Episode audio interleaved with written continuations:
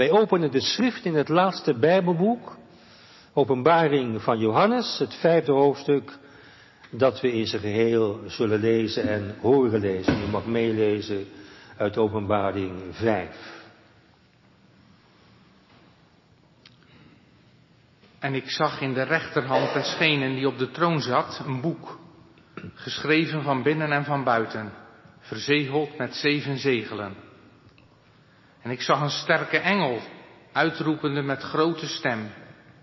Wie is waardig het boek te openen en de zegelen open te breken? En niemand in de hemel, noch op de aarde, noch onder de aarde kon het boek openen, noch hetzelfde inzien. En ik weende zeer dat niemand waardig gevonden was om dat boek te openen en te lezen, nog hetzelfde in te zien. En een van de ouderlingen zeide tot mij, ween niet, zie, de leeuw die uit de stam van Juda is, de wortel Davids heeft overwonnen om het boek te openen en zijn zeven zegelen open te breken. En ik zag en zie in het midden van de troon en van de vier dieren en in het midden van de ouderlingen een lam, staande als geslacht, hebbende zeven hoornen en zeven ogen, de welke zijn de zeven geesten Gods, die uitgezonden zijn in alle landen. En het kwam en heeft het boek genomen uit de rechterhand desgenen die op de troon zat. En als het dat boek genomen had, vielen de vier dieren en de 24 ouderlingen voor het lam neder, hebben elk sideren en gouden violen, zijnde vol reukwerks, welke zijn de gebeden der heiligen.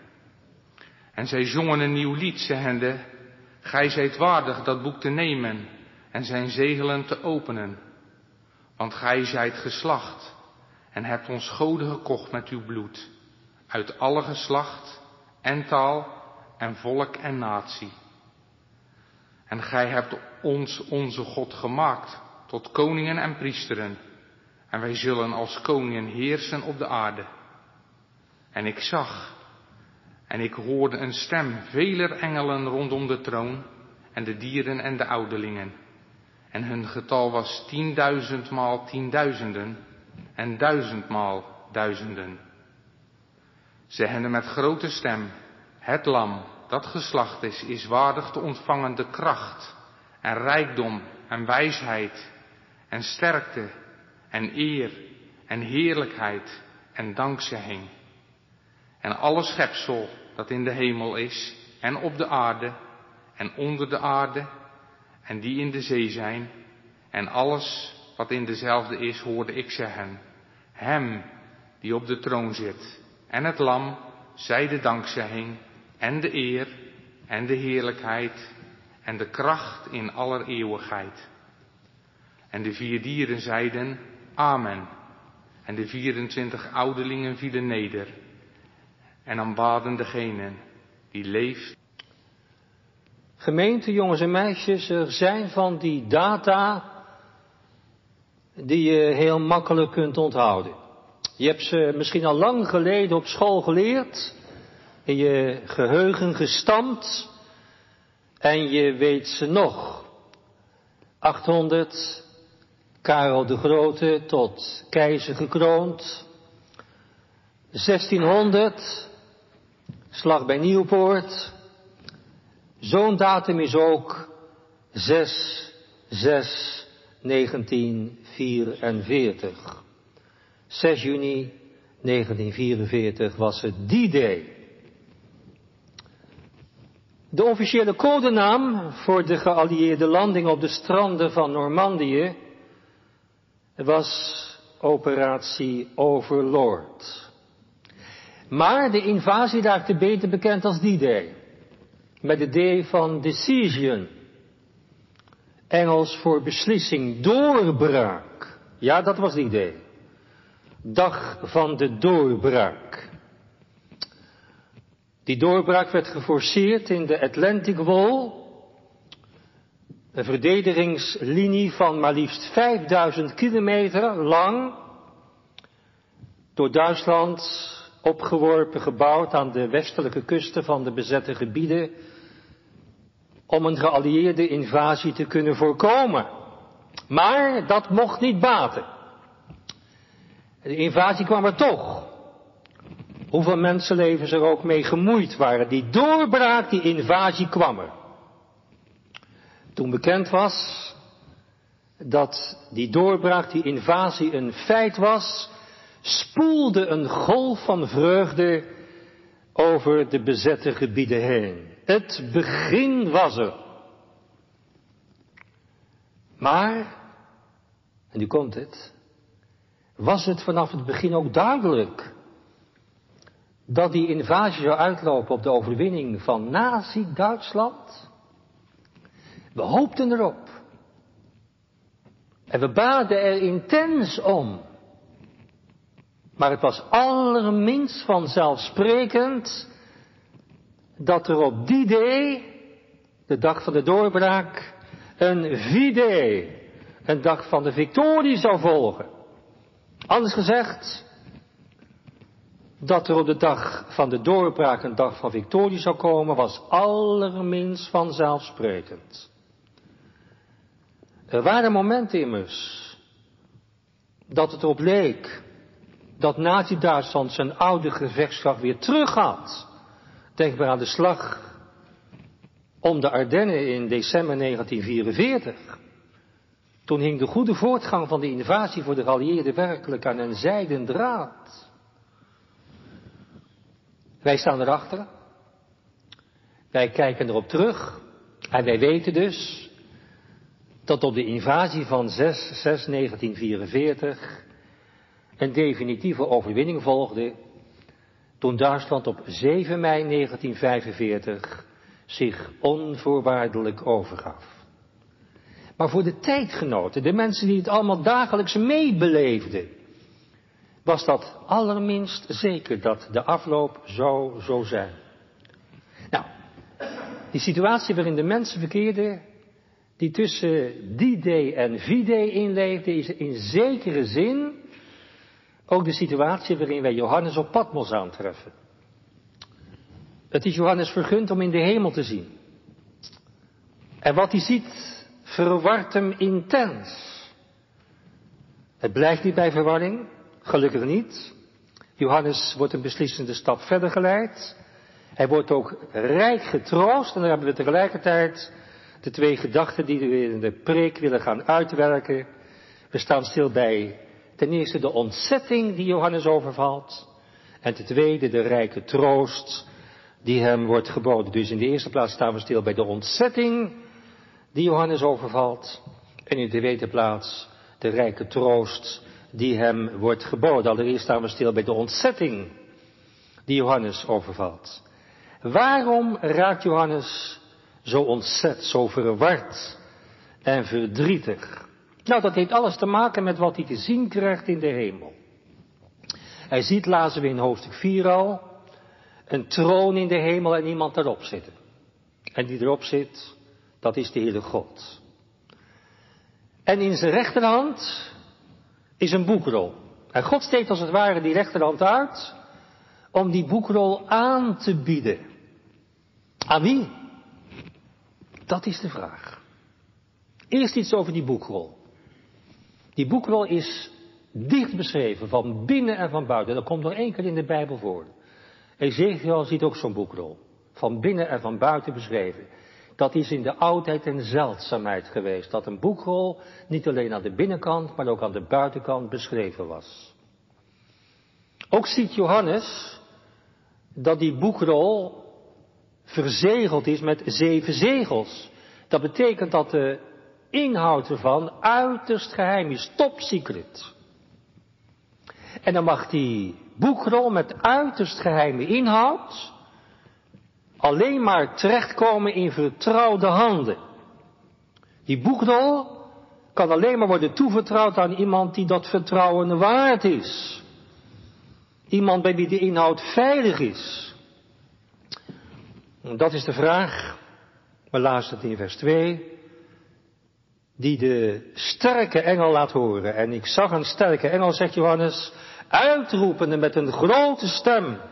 Wie is waardig het boek te openen en zijn zegels open te breken? Dat is de vraag. Die laten we even in de lucht hangen. We laten de reactie op die vraag even voor wat het is. Want we willen eerst iets meer weten over die boekrol. De inhoud van die boekrol, waar slaat die op?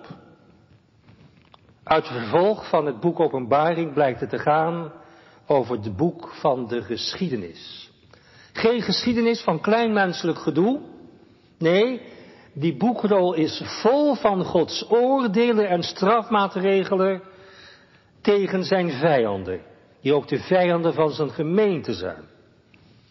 En het doel ervan is om die vijanden definitief te verslaan en de kerk van de Heer Jezus Christus uit hun macht en klauwen te bevrijden. Die boekrol bevat dus gebeurtenissen die de vorm hebben van oordelen, strafgerichten van God. En die oordelen en die strafgerichten van God, die stuwen de geschiedenis voort tot ze leidt tot de definitieve ondergang van Gods vijanden en de bevrijding van Gods volk. Die boekrol, dat moet u goed in de gaten hebben, is dus een heel bijzondere boekrol. Normaal gaat een geschiedenisboek over dingen die al gebeurd zijn. Maar dit geschiedenisboek gaat over dingen die nog gebeuren moeten. En nu ziet Johannes, nu hoort Johannes dat het wachten is op het moment dat die gebeurtenissen die de geschiedenis naar het einde stuwen, een in gang worden gezet. Dat het begin van het einde in werking gaat treden. Je zou die boekrol van de geschiedenis kunnen vergelijken met de schepping.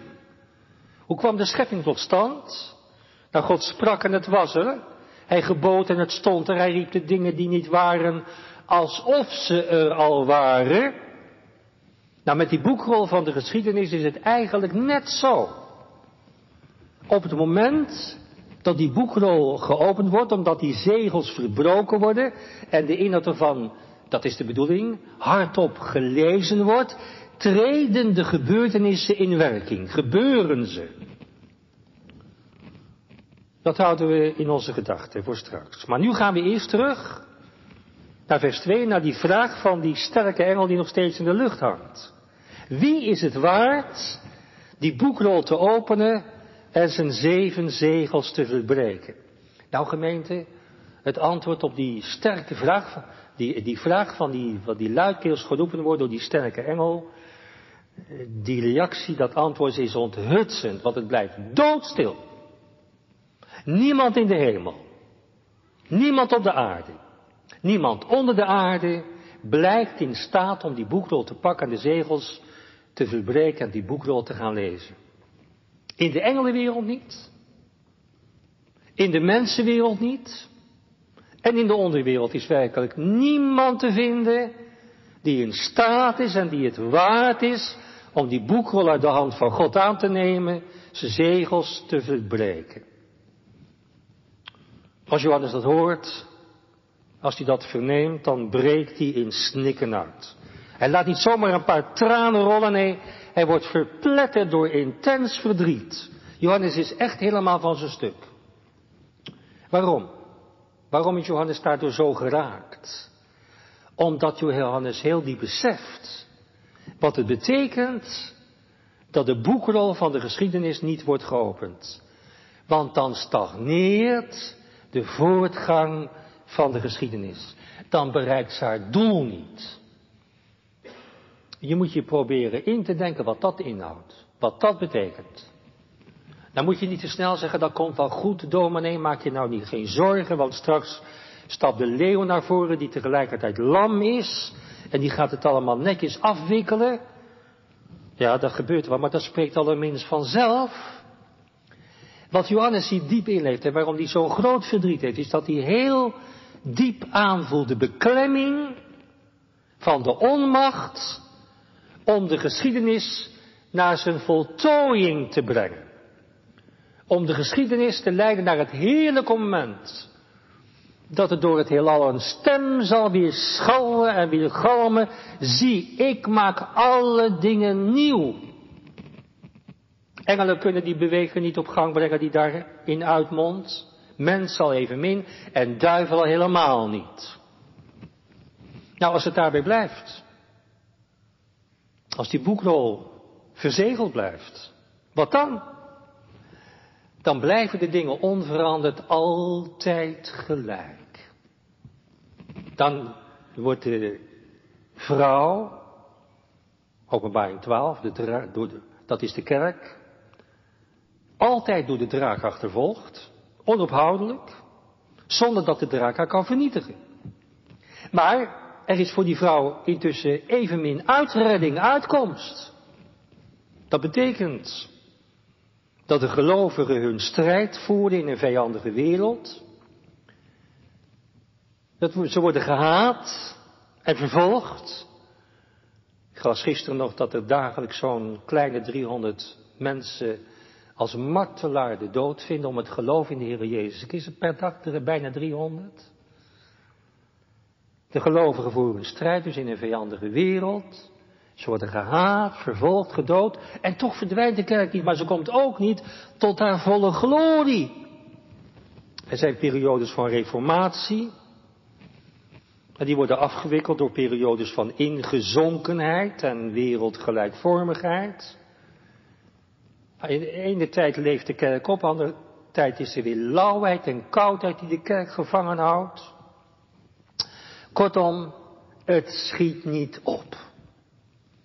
Er zit geen doelgerichte beweging in de dingen. De dingen groeien niet naar hun voltooiing, naar hun voleinding. Dat maakt alles zo uitzichtloos, zo hopeloos en vermoeiend. Er is voortdurend strijd, maar er is geen uitzicht op overwinning. Nooit, maar dan ook nooit breekt de dag op aan.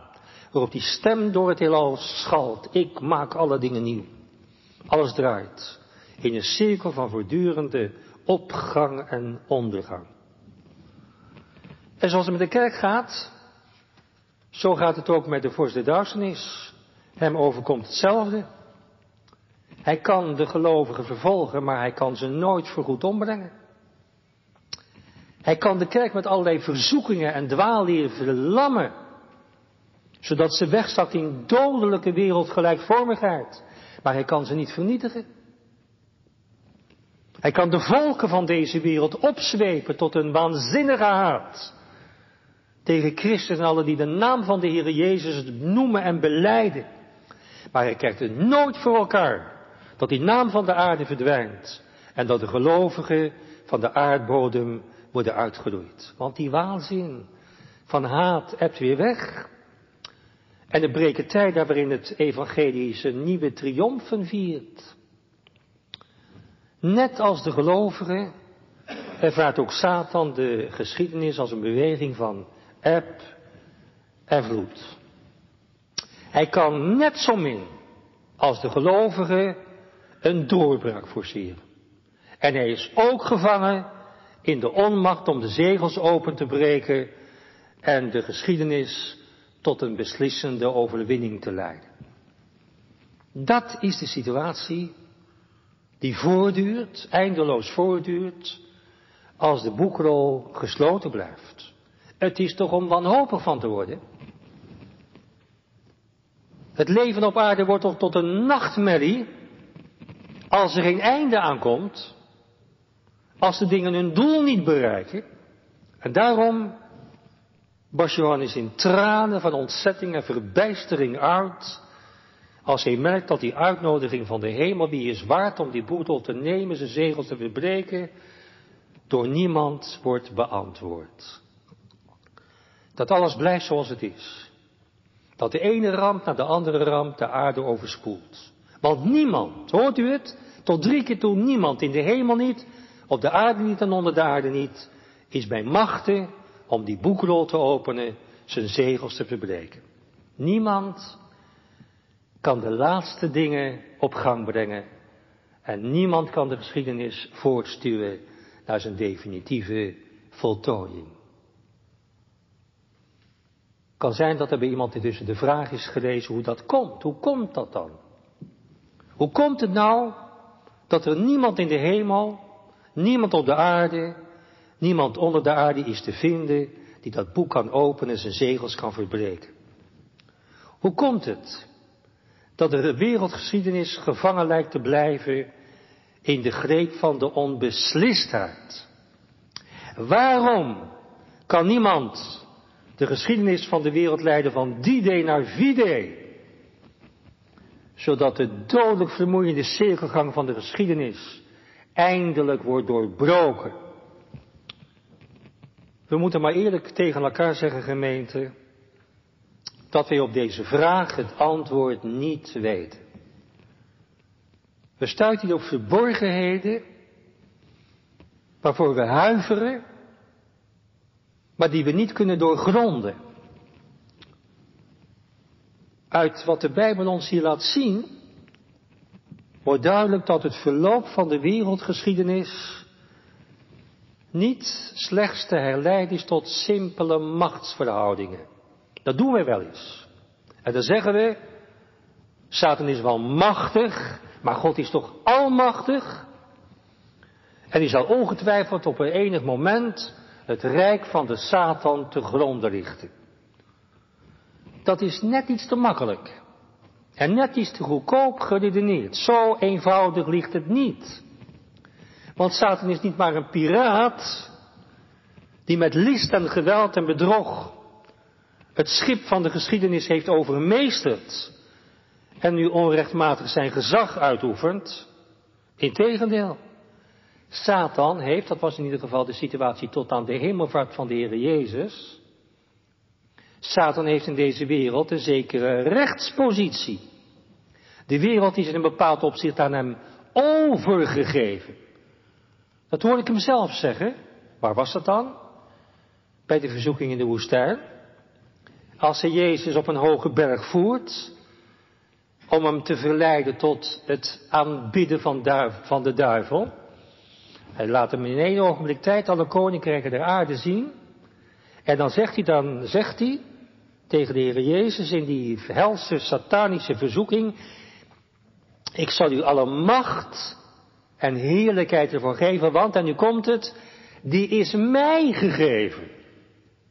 En ik geef ze aan wie ik wil. Al die macht, al die heerlijkheid van de volken, de koninkrijk der aarde is aan mij gegeven. Het is nog geen hemelvaart. De Heer Jezus moet daar nog naartoe.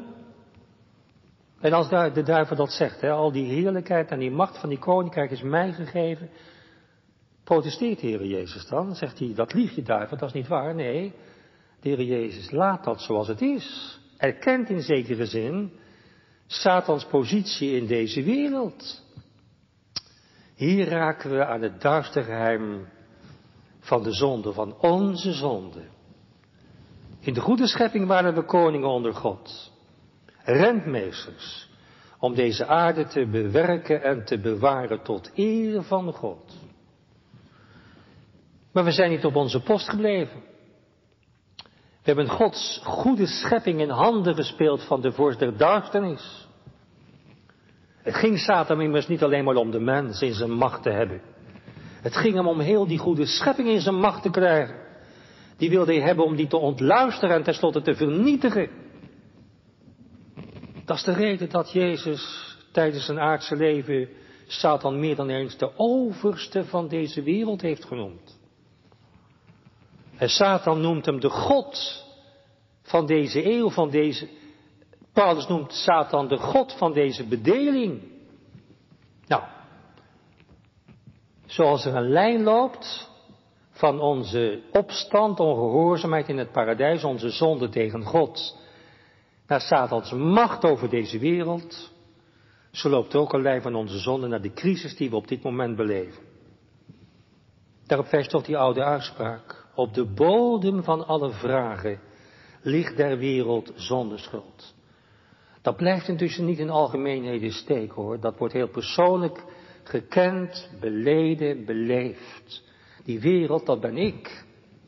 Het gaat om mijn schuld, mijn opstand, mijn ongehoorzaamheid tegen God. Gemeente, als we die lijn niet trekken, niet leren trekken, lopen we met een grote boog om de gebeurtenissen van deze tijd heen. En wanneer we de gebeurtenissen van deze tijd niet in dit licht zien, dan hoorden en verstaan we het spreken van God niet in deze crisis. En dan leiden we ook niet aan de schepping. die onder de gevolgen van onze zonde kreunt en kraakt in al haar voegen. Dan willen we maar één ding. En dat is dat het zo snel weer bij als, als van ouds gaat worden. Maar dat wordt het niet. Want ook deze crisis is één van de dingen, één van de gebeurtenissen die aan de geschiedenis vaart geeft. Zodat de geschiedenis snelt naar haar voltooiing, naar haar einde. Maar dan moet het voor ons glashelder zijn. Dat niemand in de hemel. En niemand op de aarde. En niemand onder de aarde daartoe bij macht is. Omdat engelen, nog mensen, nog duivelen in staat zijn de ban van de zonde in deze wereld op te heffen. Ook moet glashelder voor ons zijn dat de oplossing van de geschiedenis evenmin ligt in wijziging van de machtsverhoudingen.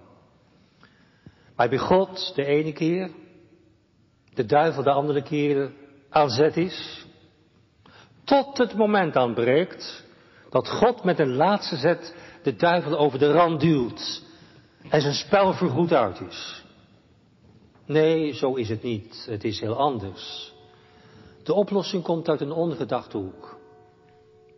Oplossing is trouwens niet eens het goede woord, dat is veel te oppervlakkig, te platvloers. Nee, onze tweede gedachte laat ons zien dat er aan Johannes een rijke en diepe troost wordt geboden. Op de vraag, we zagen het al, van die sterke engel, wie het waard is en in staat is om die boekrol aan te nemen en zijn zegels te verbreken, bleef het angstig stil. Niemand was het waard. Niemand was daartoe in staat. Helemaal niemand. Toch wel, één is er die het kan. Maar hij stapt niet meteen naar voren. Het is alsof hij wacht om te zien of er van die ontelbare macht in de hemel niet één is die zich naar de troon van God zal begeven om die boekrol in ontvangst te nemen. Want het moet voor engelen, mensen en duivelen vaststaan dat hij als enige daartoe in staat is. Hij alleen, alleen hij. En dit is een van de 24 ouderlingen die Johannes op die ene wijst. Geen engel, ook niet een van de vier dieren die in aanmerking komt om Johannes op die ene te wijzen. Nee, het is één uit de gemeente van het oude en nieuwe verbond, gekocht met het bloed van het lam van God. Het is iemand die de verlossende kracht van dat bloed persoonlijk heeft leren kennen. Eén die weet waartoe dat bloed in staat is, bij machten is, om aan een ten dode opgeschreven zondaar het oordeel voorbij te laten gaan en leven, eeuwig leven te schenken in de vergeving van de zonde.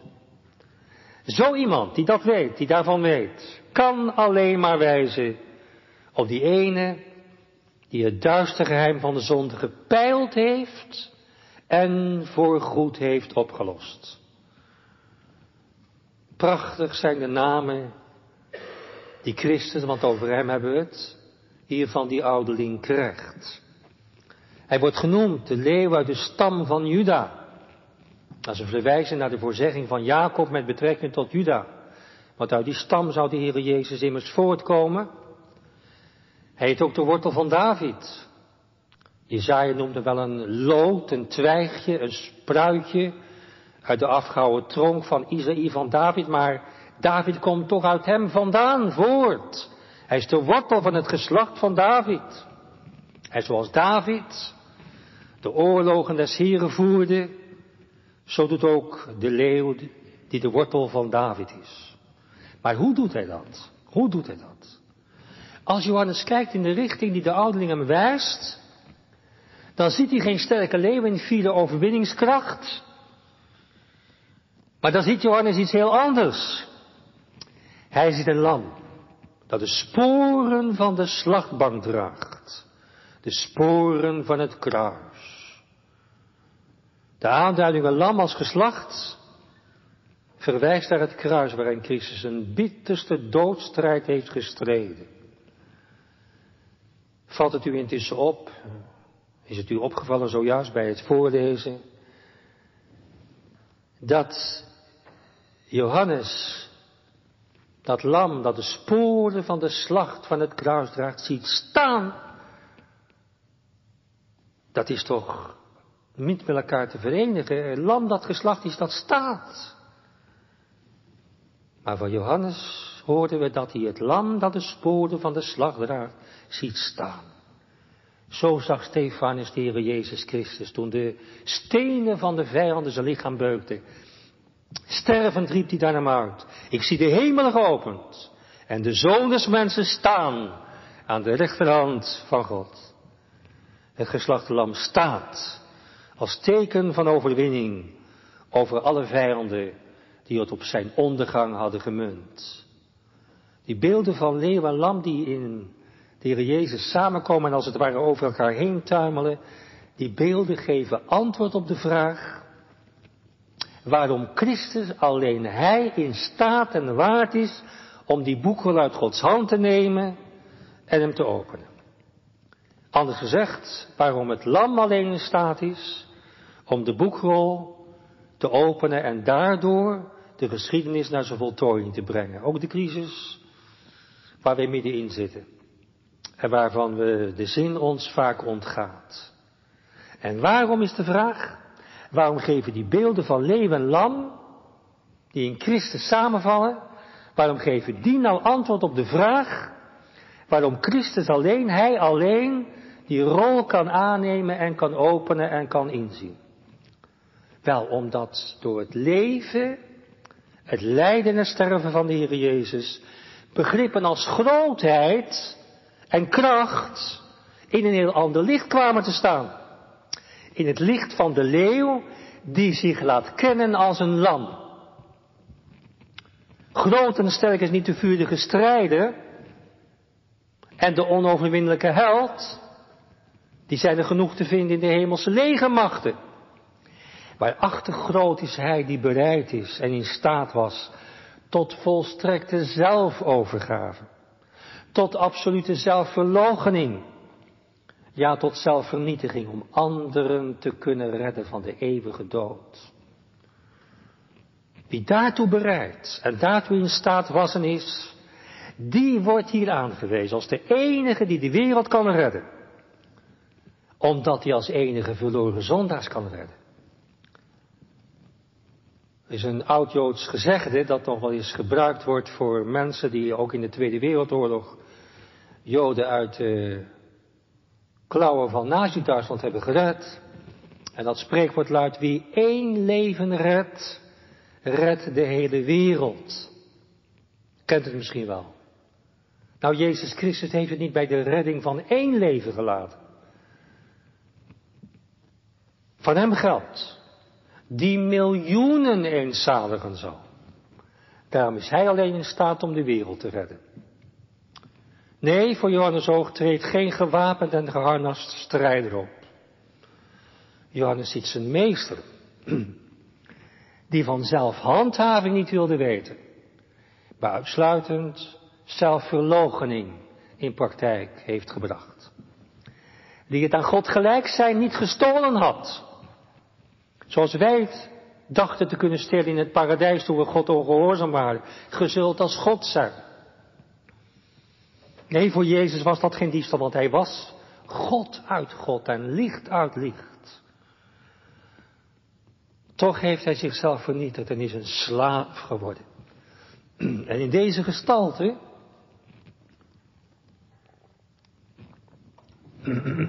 in de gestalte van een slaaf, heeft in eindeloze zwakheid de machten ontroond die ons naar de ondergang willen voeren. Deze leeuw moet u goed onthouden. Dat kunt u ook wel onthouden. Deze leeuw is alleen leeuw, omdat hij geen ogenblik geaarzeld heeft om lam te zijn. Zeg ik nog een keer. Deze leeuw is alleen leeuw, omdat hij geen ogenblik geaarzeld heeft om lam te zijn. Deze held is alleen held omdat de volstrekte overgave van de liefde in zijn diepste wezen is ingedrukt. Omdat hij doorboorde handen heeft. En zegt u nu zelf, Waarin is het wereldbestuur veiliger dan in deze doorboorde handen? En zeg nu zelf, waarin is ons leven veiliger dan in deze doorboorde handen? Is het er al van gekomen, gemeente, om uw leven uit handen te geven, te leggen in de doorboorde handen van deze leeuw die lam werd? Als het niet zo is, doe het dan alsjeblieft nu. Want wat win je door jezelf te handhaven? En wat verlies je door jezelf te verliezen? Als de leeuw, die bereid was om een lam te worden, die sterk bleek door zwak te zijn, als die naar voren treedt, dan verruilt de boekrol van eigenaar. Op dat punt in het visioen worden we herinnerd aan het moment van thuiskomst van de Heer Jezus bij zijn hemelvaart. We hebben het afgelopen donderdag gehoord over die wolk. Bij de hemelvaart van zijn meester kon Johannes, net als de andere discipelen, niet verder kijken dan die wolk die hem wegnam voor hun ogen. Nu, tientallen jaren later, Johannes een blik in de hemel wordt gegund. Nu ziet hij wat er achter die wolk is gebeurd. Christus. De leeuw die lam is. Die sterk is door zwak te zijn. Die overwint door onder te gaan. Hij kwam. Bij wie kwam hij? Hij kwam bij hem voor wie geen mens kan bestaan. Voor wie de heilige engel uw gezichten bedekken. Voor wie de duivelen vol angst sidderen en beven. Maar het lam nadert onverschrokken tot de troon van God. En geen bliksemschichten schiet uit die troon tevoorschijn om te vernietigen en te doden, want het lam dat staat als verslag nadert voor de troon van de heilige God. Het is de priester die zichzelf offerde met een gode wel aangename offeranden. Hij baant de weg voor tot God, voor alle die bij hem schuilden, wegkruipen zijn bloed en wonden. Hij kwam dat lam kwam. En nam de boekrol uit Gods hand. En ik kan me zo voorstellen, gemeente, dat er een diepe zucht van verlichting toen door het heelal is gegaan. Want vanaf dat moment, en dan hebben we het over de hemelvaart en de troonsbestijging van de Heer Jezus, zet Christus de geschiedenis in gang. En voert daar naar het moment waarop opnieuw een grote, sterke engel luidkeels uitroept, het is volbracht.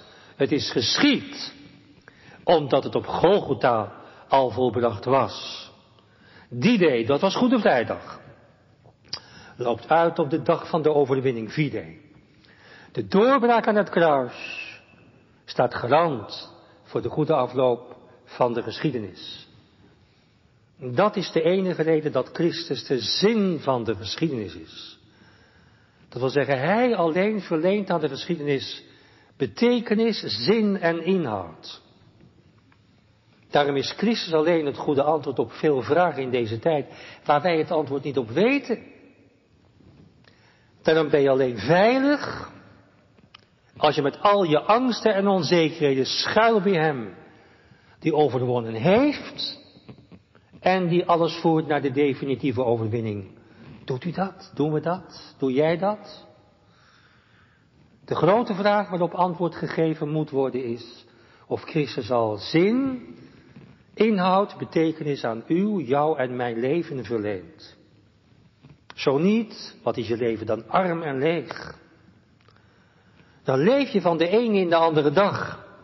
Dan zit je gevangen in de sleurgang van het leven. Opgesloten in de tredmolen van deze tijd, net als die ratjes in die tredmolen, je kent dat wel, hè, dat beeld angstig voor het een en bang voor het ander. Dat is toch geen leven?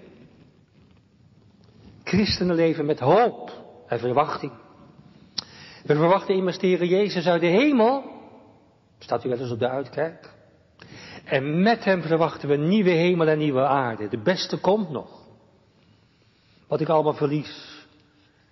En wat ik ook allemaal verliezen moet, die krijgen veel meer voor terug. We gaan afronden gemeente. U zult het met me eens zijn dat het in deze preek bijna uitsluitend over de Heer Jezus Christus is gegaan. Kan het ook anders? Hij is immers het middelpunt van het heelal. Christus is het stralende centrum van de geschiedenis. En daarom jubelt Paulus aan de Filippenzen, omdat Christus zich zo diep vernederd heeft. Heeft hij een naam gekregen die is boven alle naam. Opdat in de naam van Jezus zich zou buigen, elke knie. En dan komt die driedeling weer terug. Van degene die in de hemel, die op de aarde en die onder de aarde zijn. En dat elke tong zou beleiden. Dat Jezus de Curios, de Heer is. Als dat gebeurt, elke tong hem beleidt, elke knie zich voor hem buigt, zouden wij dan achterblijven? Waar het om gaat is dat u meezingt. Die naam boven alle naam is daar waarheid. Mijn Jezus ook waard. Want hij kwam om zalig te maken op aarde. En het rijkste is, als je mag zeggen, ook mij. Zalig ben je. Wanneer je als een verloren zondaar je door hem laat zalig maken, dan neemt hij je in zijn hoede. En voert hij je door de nacht van deze geschiedenis, die zo vaak stikdonker is, naar het eeuwige licht van een nieuwe dag, waarop nooit meer een nacht volgt en waarop alles eeuwig nieuw is. Amen.